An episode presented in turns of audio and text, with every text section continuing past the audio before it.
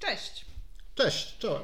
Z tej strony Anna Roszak i Jakub Jaraczewski. witajcie w nowym odcinku naszego podcastu I tu jest ten problem, w którym próbujemy przybliżyć aktualne zagadnienia prawno-polityczno-społeczne różnorakie. W ostatnim odcinku zapowiadaliśmy niespodziankę i słowa dotrzymujemy.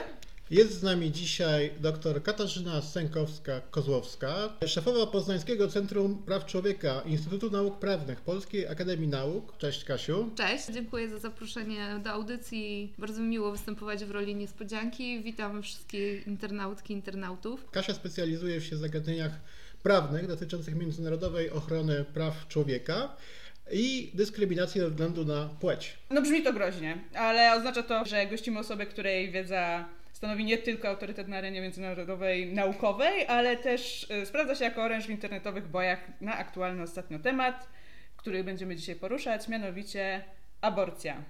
I tak, chcielibyśmy dzisiaj porozmawiać o tym, czy faktycznie aborcja stoi w sprzeczności z prawem do życia chronionym przez konstytucję, jak to wygląda w ujęciu międzynarodowym i co w ogóle wydarzyło się 22 października, tak? Co zrobił Trybunał Konstytucyjny i jak to wpłynie na na przyszłość tych przepisów i prawa do aborcji. Zaczynamy chyba, co? Tak, Zaczynamy. Kasiu, więc pierwsze pytanie do Ciebie. Czy to jest faktycznie tak, że aborcja stoi w sprzeczności z prawem do życia chronionym przez Konstytucję, jak nas e, próbują przekonać co po niektórzy politycy? Przechodząc od razu do rzeczy dużego kalibru, czyli artykułu 38 Konstytucji, który też był przedmiotem rozważań Trybunału Konstytucyjnego, no, sam przepis konstytucyjny jest bardzo lakoniczny, gdyż znajdziemy w nim y, postanowienie, iż Rzeczypospolita Polska zapewnia każdemu człowiekowi prawną ochronę życia. No i pytanie teraz, co z tego artykułu wyinterpretujemy, co y, interpretuje z niego doktryna i co interpretuje Trybunał Konstytucyjny. Jeśli spojrzymy na zdanie doktryny na ten temat, czyli różnych badaczy czy badaczek publikujących, zajmujących się nauką prawa konstytucyjnego, to myślę, że bardzo łatwo można zauważyć, że tak naprawdę nie ma zgody, właściwie na pewno nie ma zgody co do tego, co ten artykuł oznacza, a mianowicie czy gwarantuje prawną ochronę życia od momentu poczęcia, czy też nie. I myślę, że tutaj możemy znaleźć takie trzy zdania. Niektórzy sądzą, że nie, nie zapewnia prawnej ochrony od momentu poczęcia.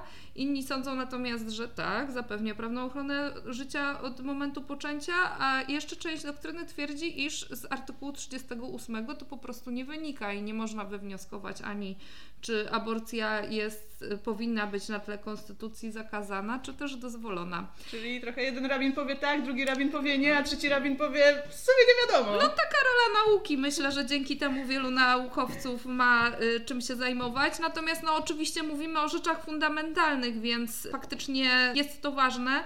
Ja nie zajmuję się na co dzień nauką prawa konstytucyjnego, natomiast muszę przyznać, że najbliższe mi też są y, te opinie, które wskazują, iż ta norma konstytucyjna jednoznacznie nie przesądza w jedną bądź też w drugą stronę.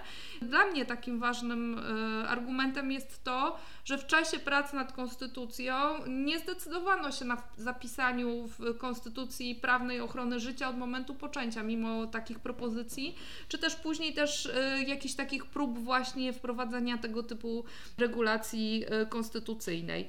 Tak więc y, mamy artykuł 38.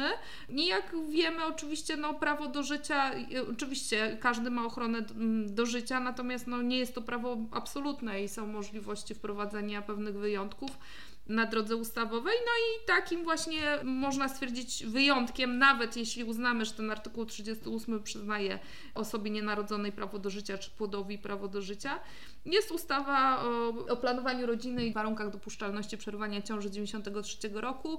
Zakładam, że wszyscy pewnie wiedzą, jakie przesłanki dopuszczalności ciąży możemy, ona... możemy powiedzieć, bo tak, na chwilę obecną jest to, są przesłanki takie, że ciąża stanowi zagrożenie dla życia lub zdrowia kobiety ciężarnej, Badania prenatalne lub inne przesłanki medyczne wskazują na duże prawdopodobieństwo ciężkiego i nieodwracalnego posiedzenia płodu albo nieuleczalnej choroby, tak? I to jest właśnie ten, ta przesłanka, ten powód, którym, mhm. którą zajął się Trybunał Konstytucyjny ostatnio. No i trzecia, czyli zachodzi uzasadnione podejrzenie, że ciąża powstała w wyniku czynu zabronionego, czyli albo gwałtu, albo, albo kazirodztwa te trzy przesłanki też się gdzieś pojawiały już od czasów dwudziestolecia międzywojennego w Polsce, mm, tak? I, tak, ale nawet nie to były awangardowe, a teraz... E, nawet nie cofając się aż tak daleko, jeżeli mówimy o pewnej progresywności polskiego ustawodawstwa w zakresie przerywania ciąży, to można stwierdzić, że był taki moment po uchwaleniu ustawy, czyli w 1993 roku, gdyż był, prawda, jeszcze podpunkt czwarty dotyczący, formułujący tak zwaną przesłankę, możliwość przerwania ciąży z tak zwanych e, przyczyn społecznych. To jest o tyle ważne a propos tematu, o którym dzisiaj rozmawiamy, że e, ten punkt czwarty został wyeliminowany wyrokiem Trybunału Konstytucyjnego z 97?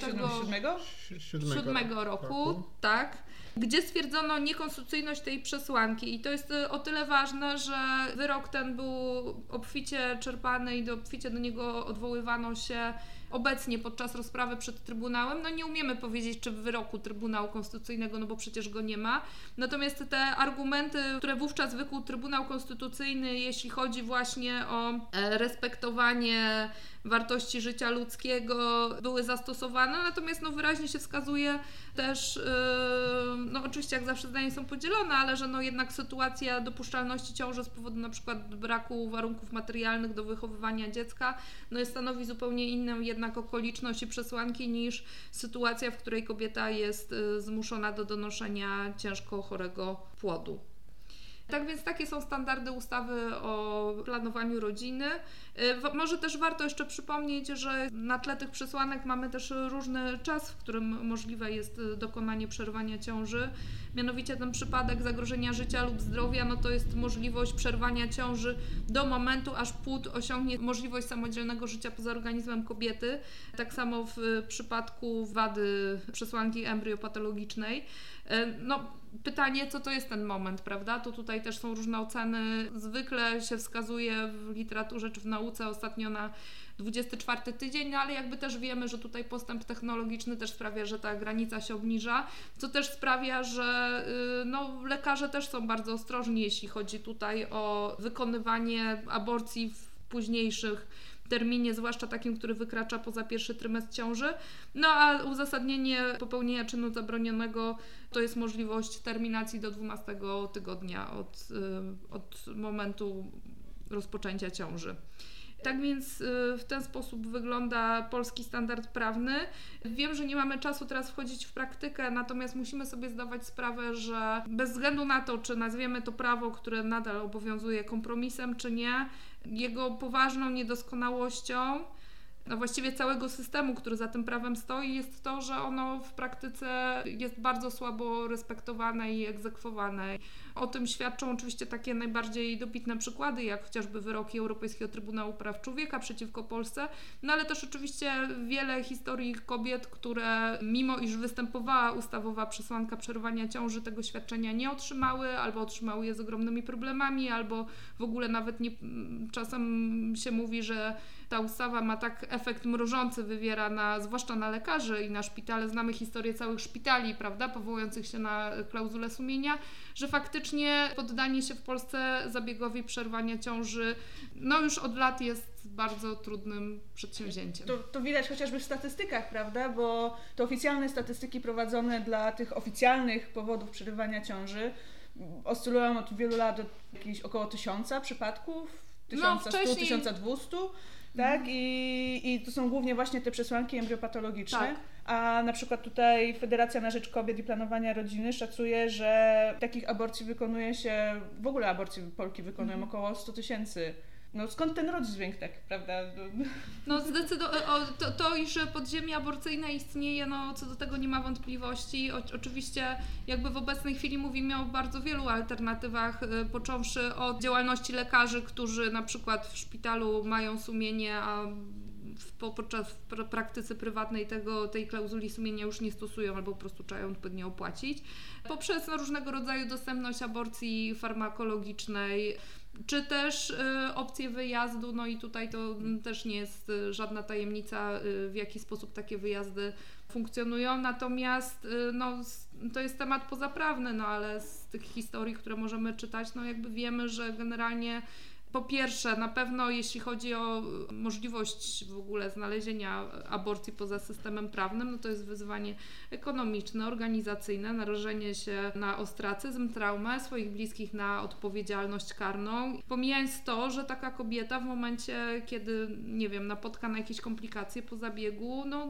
też znajduje się jakby w pozycji osoby jakoś tam podejrzanej, iż dokonała aborcji w momencie, kiedy na przykład zgłosi się o pomoc medyczną. Tak więc jest to kopalnia różnego rodzaju y, problemów. No na pewno um, ostatnia y, rzecz, która się zadziała, czyli orzeczenie Trybunału Konstytucyjnego, no na pewno tej sytuacji nie poprawi, y, wręcz przeciwnie, utrudni. Ja bym jeszcze dodał do tego, że to o czym wspomniała Kasia, czyli ta turystyka aborcyjna, wyjazdy na Słowację, czy do Czech, czy do Niemiec, też wiążą się z problematyką e, pewnego nierówności ekonomicznych, ponieważ kobiety należące do tak zwanej aspirującej klasy średniej lub wyżej będą w stanie bez problemu zazwyczaj opłacić sobie cały ten zabieg, cały ten wyjazd, pobyt w hotelu i wszystko. Natomiast osoby znajdujące się w gorszym położeniu ekonomicznym e, nie mają po prostu takiej możliwości i mamy sytuację, w której nasze polskie przepisy jakby wypychają te kobiety, e, zwłaszcza te znajdujące się w gorszym położeniu finansowym, e, z jednej z kilku w miarę legalnych możliwości przeprowadzenia tego zabiegu.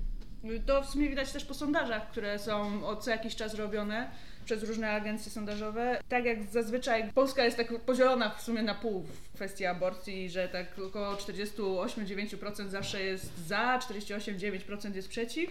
E, na przykład tak w sondażu przeprowadzonym w 2018 roku przez IBRIS też sprawdzono na przykład, jakie osoby z jakim wykształceniem popierają prawo do aborcji i wyszło na to, że najwięcej osób z wykształceniem zawodowym podstawowym, po 74% y, osób popierało prawo do aborcji, także no, widać, że to są te osoby, które, które najbardziej cierpią na tym braku dostępu takim ogólnym do, do, do, do tych możliwości. Ale to skoro już zahaczyliśmy o te tematy takie międzynarodowe, można powiedzieć, tak, i tę turystykę aborcyjną, jak to się mówi, to w ogóle właśnie jak to wygląda na tej arenie międzynarodowej, bo my mamy zawsze to wrażenie, że my się cofamy, a cały świat gdzieś wyskoczył do przodu. Czy to faktycznie tak jest, że my jesteśmy tym szarym Średniowieczem, tym ciemnogrodem. No, nie chciałabym tutaj e, faktycznie iść w stronę ciemnogrodu, e, natomiast osobom zainteresowanym e, tematem bardzo polecam otwarcie strony międzynarodowej organizacji, która się zajmuje ochroną praw reprodukcyjnych, która się nazywa Center for Reproductive Rights. I Center for Reproductive Rights ma taką bardzo fajną podstronę, która się nazywa Abortion Laws można to wpisać sobie wyszukiwarka abortion laws. No nie zrobimy tego teraz, może żeby nie zakłócać nagrania.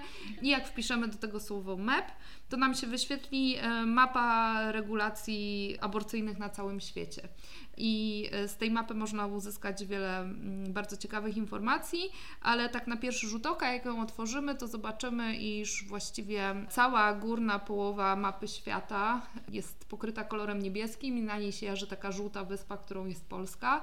Natomiast e, tak zwane globalne południe ma dużo więcej zróżnicowanych kolorów, co przekłada się na to, iż faktycznie w naszej części świata, to znaczy w Europie, w większości Azji, Ameryce Północnej, Kanadzie, Australii, ta aborcja jest dużo łatwiej dostępna y, niż w Polsce. Nie oznacza to oczywiście, że wszystkie te kraje mają takie same y, regulacje, natomiast w wielu tych krajach faktycznie jest możliwość dokonania w określonym terminie, na przykład do 12 tygodnia, przerwania ciąży bez y, podania przyczyny. No natomiast kraje, y, zwłaszcza Afryki i Ameryki Południowej, tutaj mamy dużo surowsze prawa, y, prawo antyaborcyjne. No i właśnie Polska również należy do jednego z tych krajów. To tak, jeśli wygląda w skrócie, w bardzo malutkiej pigułce, mm, jeśli chodzi o o to, jak świat podchodzi, jak uregulowania krajowe podchodzą do kwestii aborcyjnych. Natomiast może warto powiedzieć, jak prawo międzynarodowe mm, podchodzi do tej kwestii. Jesteśmy w końcu globalną wioską, więc. Tak. Y, I tutaj prawo międzynarodowe i ma, i nie ma dużo do powiedzenia. To znaczy tak, y, gdybyśmy chcieli szukać w traktatach międzynarodowych słowa aborcja, czy w ogóle jakiegoś bezpośredniego odwołania do przerwania ciąży, to tego nie znajdziemy. Natomiast e, odnosząc się do traktatów z zakresu e, ochrony praw człowieka, tutaj mamy oczywiście dużo informacji, które możemy wyinterpretować e, z praktyki organów, które czuwają nad realizacją tych traktatów i tak dalej.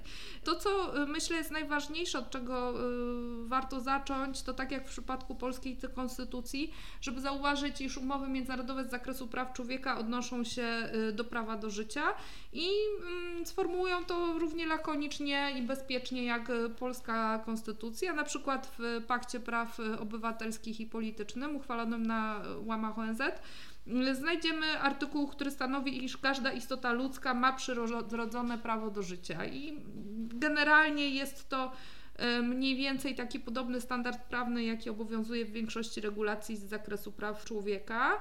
E, niemniej już jak uchwalano Międzynarodowy Pakt Praw Politycznych i Obywatelskich, a pamiętajmy, że to e, no, został powołany do życia w 1966 roku, już wtedy pojawiały się takie próby czy sygnały, że a może rozszerzyć, wyraźnie sprecyzować, czy ochrona od momentu poczęcia wchodzi w zakres ochrony gwarantowanej przez pakt, ale państwa, które uchwalały pakt, nie, nie, nie poszły tą drogą, nie, nie umieściły ochrony życia od momentu poczęcia w postanowieniach paktu. Podobna próba y, była też przeprowadzona w momencie uchwalania konwencji o prawach dziecka. To już jest później, to jest 1989 rok i w konwencji o prawach dziecka mamy w artykule pierwszym definicję dziecka. No i też były takie pomysły, żeby napisać, że na przykład dziecko jest dzieckiem od momentu poczęcia. Y, tak się nie stało w świetle y, konwencji o prawach dziecka. Dzieckiem jest każda istota ludzka. No oczywiście pytanie, jak interpretujemy pojęcie istota ludzka w wieku poniżej 18 lat. Myśl... No, mam nadzieję, że to wieczne dziecko we mnie będzie mogło się załapać Nie, na to. niestety, to już za nami, to już za nami. Ale myślę, że za jakiś czas doczekamy się opracowania mm, jakiegoś traktatu dotyczącego praw seniorów, więc y, może wtedy uda nam się to dla mnie.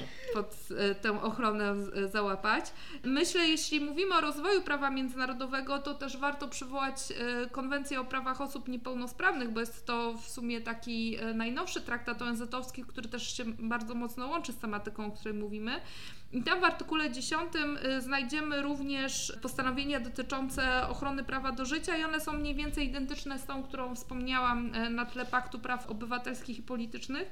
I w momencie pracy nad konwencją o prawach osób niepełnosprawnych tam było bardzo silny lobbying ze strony środowisk. W ogóle no, ta konwencja jest ogromnym sukcesem i dorobkiem y, mnóstwa organizacji pozarządowych, oczywiście głównie zajmujących się prawami osób z niepełnosprawnościami, no ale pamiętajmy, że jest to tak samo zróżnicowane środowisko jak każde inne środowisko NGO-sowe i tam też znajdziemy różne opcje pro-choice, anty-choice i tak dalej. W każdym razie tutaj bardzo był generalnie też y, silny nacisk, żeby ta konwencja dość wyraźnie wskazywała, iż również y, osoby od momentu poczęcia są chronione przez konwencję, po to, żeby chociażby wyeliminować możliwość aborcji ze, względu na przesłanki patologiczne.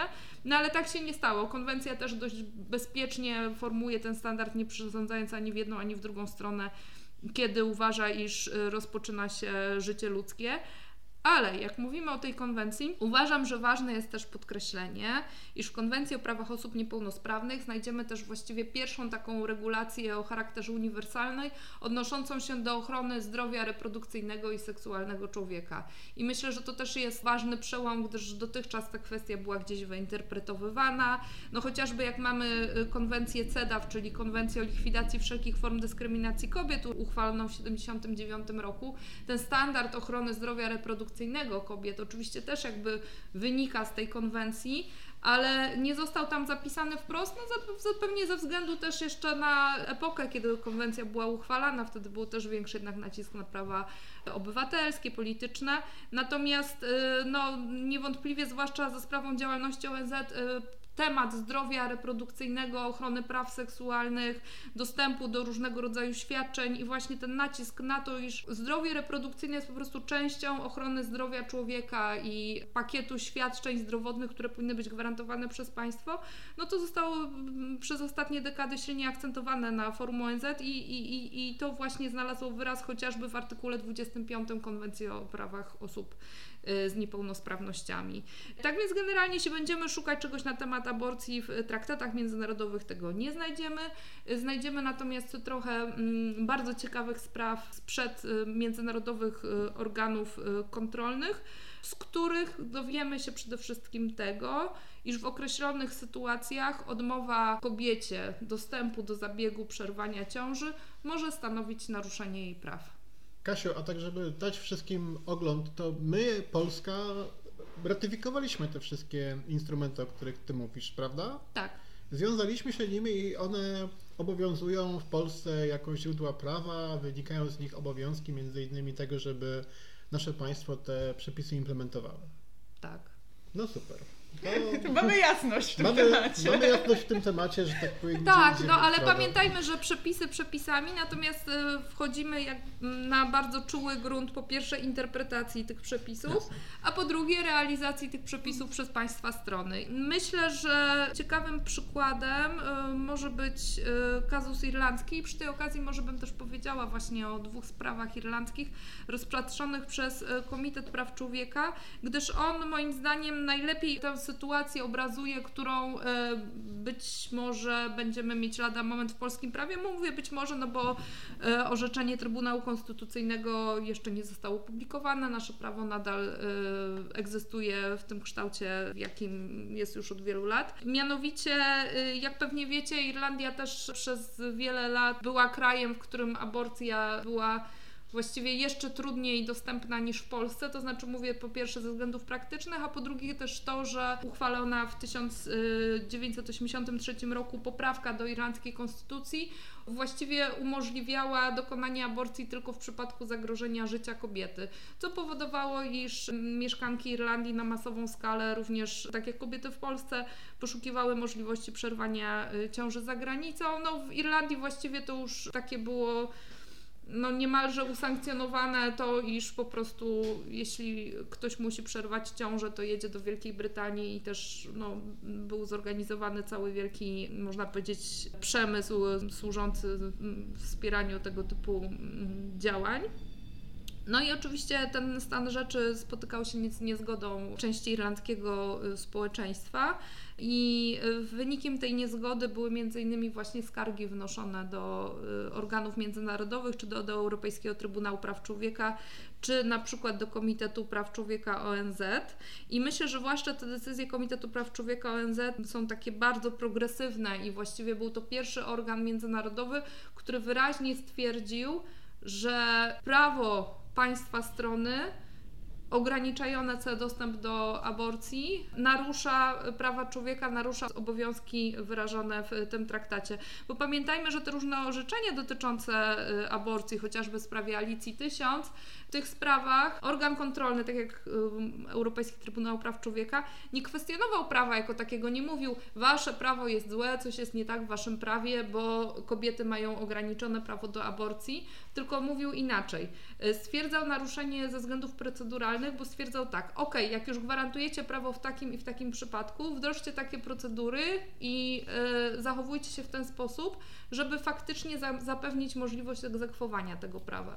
I y, tak naprawdę no, myślę, że gdyby Polska faktycznie respektowała to prawo, które uchwaliła wiele, wiele lat temu, to być może też nie mielibyśmy takiego silnego też ruchu pro-choice y, teraz w Polsce. No właśnie, bo mówimy tutaj o respektowaniu prawa, które uchwaliliśmy. Tak, no i no powiedzmy sobie wprost, obecna władza ma pewien problem z respektowaniem zasad gry, które, które nawet sama ustala, tak? I nie wiem, czy to już w tym momencie zacieśniamy ten krąg chodzenia wokół wyroku Trybunału Konstytucyjnego, czy... Tylko ja bym chciała, y, może tak, nie chcę wchodzić na tematy polityczne, ale y, pamiętajmy, że to też nie jest tak, że nieegzekwowanie ustawy antyaborcyjnej jest problemem no, tylko obecnej władzy, tak? No Gdyż nie. problemy z dostępem do aborcji to jest element naszej rzeczywistości od kilkudziesięciu lat, tak więc myślę, że to, co się zadziało teraz, no, było po prostu jakby w pewnym sensie gwoździem do trumny i też e, obnażeniem takiej pewnej fikcji polskiego prawa, tak, że e, no, uważam, że jest pewną hipokryzją mówienie, jakie to mieliśmy świetne prawo, jaki to był dobry kompromis i w ogóle jak wszyscy byli zadowoleni z tych przepisów antyaborcyjnych, które były, no, gdyż no, dla wielu osób one nie były dobre, tak, i faktycznie bardzo ograniczały prawo kobiet do aborcji, w dużej mierze też przez to, iż były wadliwie egzekwowane. I pamiętajmy, że Polska do dzisiaj nie wykonała wyroków chociażby w sprawie Alicji Tysiąc, czy późniejszych wyroków, tak? Czyli to już będzie lat chyba naście, prawda? Naście, naście, Wprowadzono naście. procedury, które teoretycznie mają ułatwić wyegzekwowanie aborcji w przypadku, kiedy się szpital, yy, znaczy lekarz nie, nie zgadza na wykonanie zabiegu, ale w praktyce wyegzekwowanie tych zabiegów, no to jest yy, droga przez mękę, tak? W wielu przypadkach. Nie mówię, że we wszystkich są świetni lekarze, są świetne szpitale, ale jest mnóstwo kobiet, zwłaszcza z małych miasteczek, dla których naprawdę ten dostęp do aborcji był nierealny po prostu. I zanim przejdziemy na nasz polski grunt, to ja tylko dokończę z tą Irlandią, bo uważam, że jest to niezmiernie inspirujący przykład tego, jak może się zmienić społeczeństwo.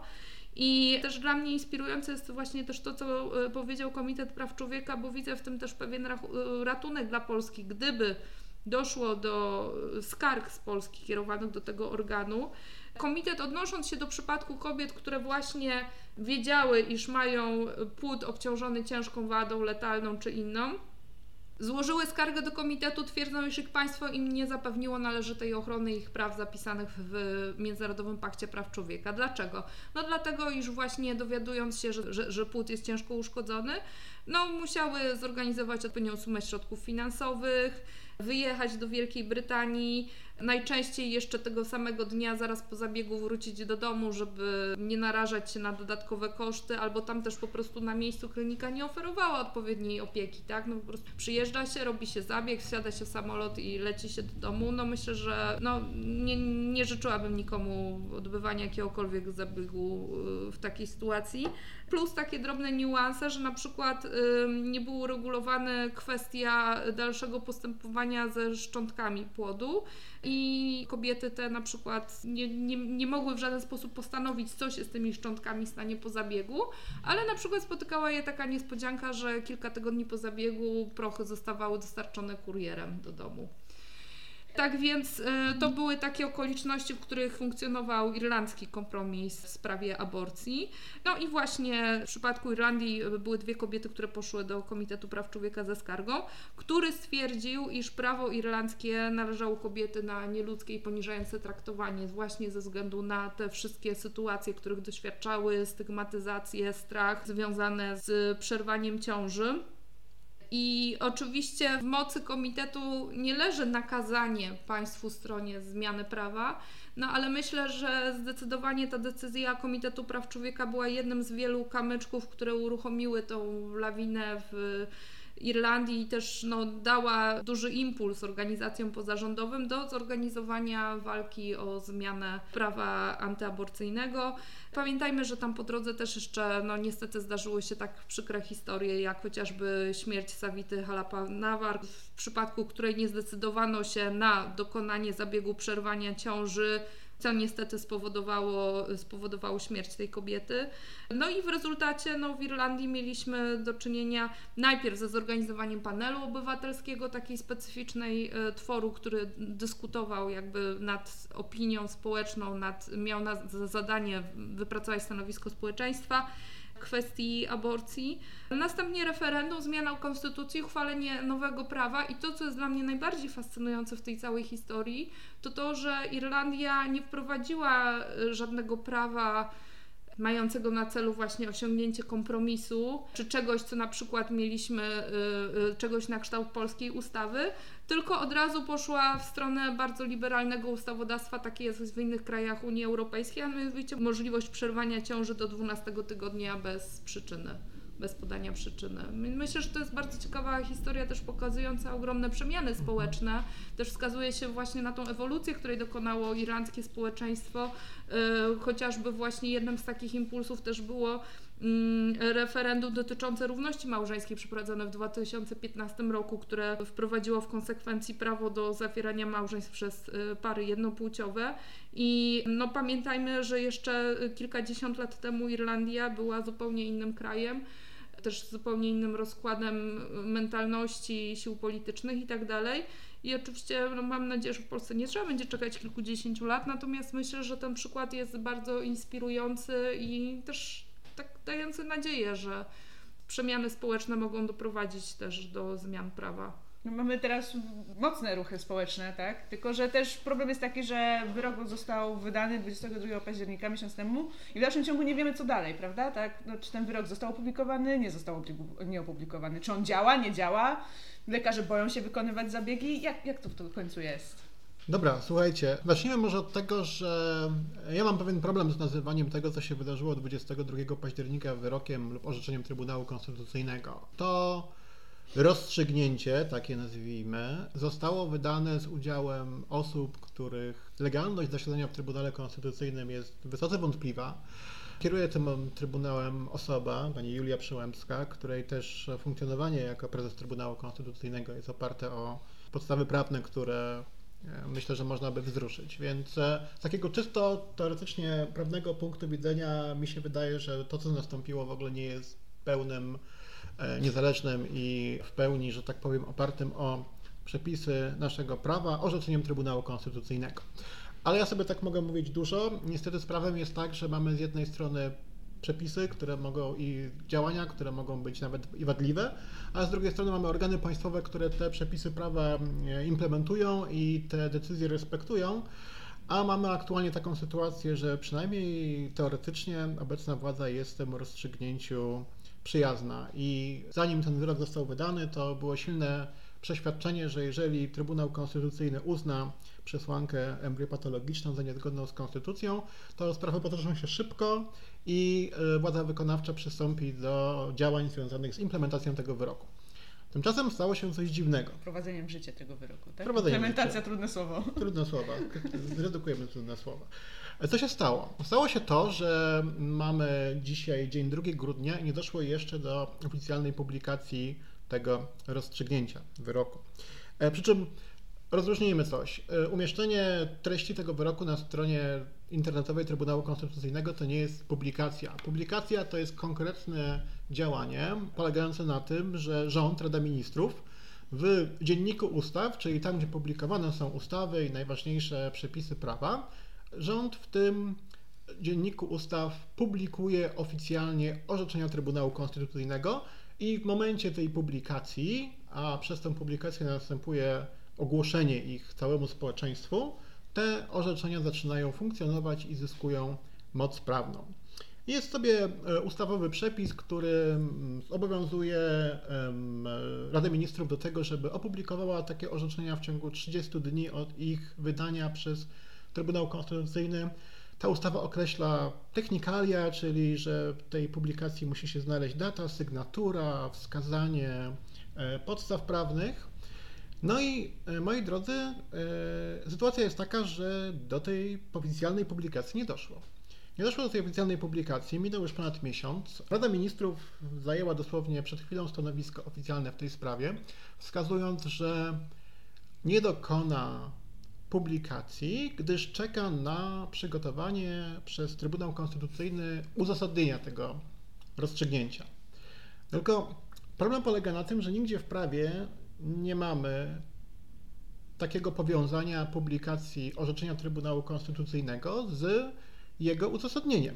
Uzasadnienie nie jest wymagane do publikacji. Publikacja to jest prosta czynność polegająca na tym, że sentencję wyroku wraz ze wszystkimi oznaczeniami umieszcza się w dzienniku ustaw. Uzasadnienia oczywiście są sporządzane przez Trybunał Konstytucyjny i są przez Trybunał Konstytucyjny umieszczane na jego stronie internetowej oraz w zbiorze orzecznictwa oficjalnym wydawanym przez Trybunał Konstytucyjny. Ale one istnieją z punktu widzenia prawnego całkowicie niezależnie od samego orzeczenia. I nie stanowi przeszkody dla opublikowania przez Radę Ministrów w Dzienniku Ustaw orzeczenia to, że Trybunał Konstytucyjny nie przygotował jeszcze uzasadnienia.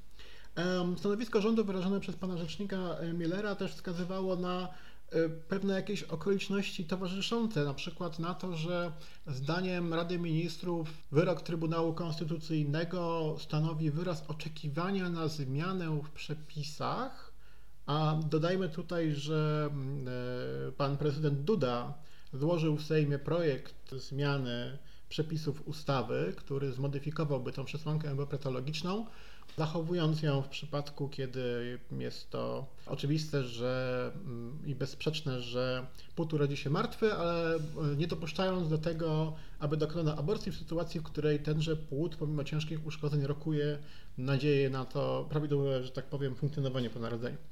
No i takie jest tłumaczenie rządu, ale to tłumaczenie jest moim zdaniem całkowicie absurdalne i mamy do czynienia z taką sytuację, w której wydaje mi się, że po tych protestach ogromnych, które miały miejsce w Polsce, 200 tysięcy osób na ulicach Warszawy, Czerwone Błyskawice w całym kraju, ale także nie tylko w dużych miastach, ale także w małych miastach powiatowych i na wsi, Rada Ministrów podjęła poważne wątpliwości co do kosztów politycznych tego orzeczenia i postanowiła skorzystać z okazji do tego, aby je zablokować, tylko blokuje je w sposób całkowicie bezprawny. Tak? Rada Ministrów w zakresie publikacji prawa nie ma żadnego pola manewru. Ona publikuje treść ustaw, publikuje rozporządzenia, publikuje orzeczenia Trybunału Konstytucyjnego. Jest to czynność tylko i wyłącznie techniczna. Tu nie ma wprowadzonego e, w prawie żadnego pola manewru do podjęcia decyzji przez prezesa Rady Ministrów co do tego, czy coś publikować, czy nie. I wychodząc na sekundę z problemu aborcyjnego, to ta konkretna sytuacja wpisuje się w coraz bardziej szeroki i niepokojący trend do tego, że Rada Ministrów e, nie publikuje niektórych źródeł prawa.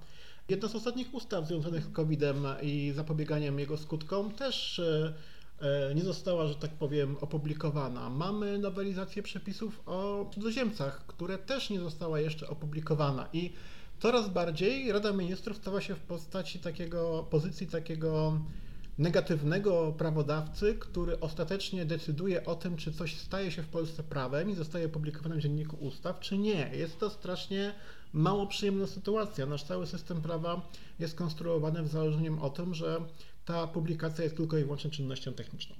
I co więcej, jest to sytuacja bardzo wygodna dla Rady Ministrów, bo Rada Ministrów może sobie w tej sytuacji trzymać ten temat w takiej, powiedzmy sobie, że zamrażarce, a w którymkolwiek momencie, w której dla niej to będzie odpowiednie, opublikować to orzeczenie, wprowadzając je w życie i robiąc to, no, że tak powiem, z całkowitego zaskoczenia.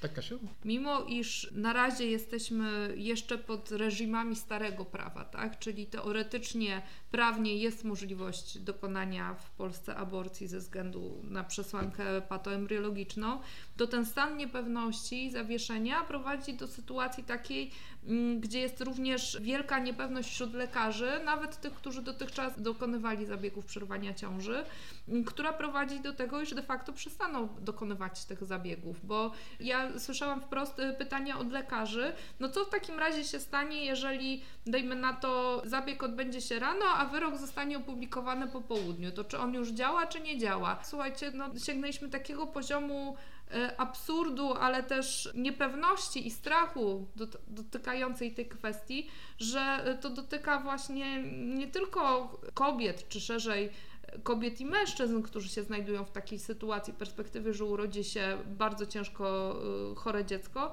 ale również lekarzy, którzy dotychczas pomagali takim osobom. Gdyż pamiętajmy, że w polskim prawie karnym na osobie, która przerwie ciąży w przypadkach niedozwolonych przez prawo ciąży odpowiedzialność karna i to bardzo poważna odpowiedzialność karna. Tak więc na tą odpowiedzialność karną są y, y, narażeni lekarze, a także pamiętajmy, że są narażone osoby, które w jakikolwiek sposób pomagają przy przeprowadzeniu takiego zabiegu. Dlatego tak? na przykład te wszystkie organizacje typu Aborcja bez granic tak, no są w jakiś sposób dręczone przez organy. To też, ale y, myślę nawet też o sytuacji po prostu bliskich takich osób, nie wiem, partnerów, rodzin, rodziców, którzy w jakikolwiek sposób chciały, chcieliby wesprzeć e, kobiety znajdujące się w takiej sytuacji. No bo właśnie, o ile sama kobieta nie ponosi odpowiedzialności karnej za przeprowadzenie zabiegu, no to właśnie czy najbliżsi, którzy chcą w jakiś sposób pomóc przy przeprowadzaniu tego zabiegu, chociażby, nie wiem, oferując transport, poszukując informacji i tak dalej, już są narażeni na odpowiedzialność karną, no i przede wszystkim lekarze, którzy teoretycznie nadal mają możliwość wykonywania takich zabiegów. A przypomnijmy, że oprócz praw człowieka, o których bardzo dużo dzisiaj mówiliśmy, to Polska jest też e, tak zwanym demokratycznym państwem prawnym obowiązują pewne zasady praworządności, niezależnie od tego, jakich konkretnie przepisów one dotyczą. I jedną z tych zasad jest zasada pewnej przewidywalności stanu prawnego, którą mm, państwo powinno w miarę możliwości organizować. Nie dopuszczać do sytuacji. W dzisiejszych czasach przewidywalność stanu prawnego. Ale czym innym jest nawet sytuacja, w której przepisy zmieniają się bardzo szybko, ale przechodzą przy okazji przez całą drogę e, procedury ustawodawczej, przez Sejm. Jest jakieś pole manewru, czasami bardzo wąskie niestety, ale jednak jest na zapoznanie się z sytuacją, dowiedzenie się, w którym momencie przepisy wejdą w życie.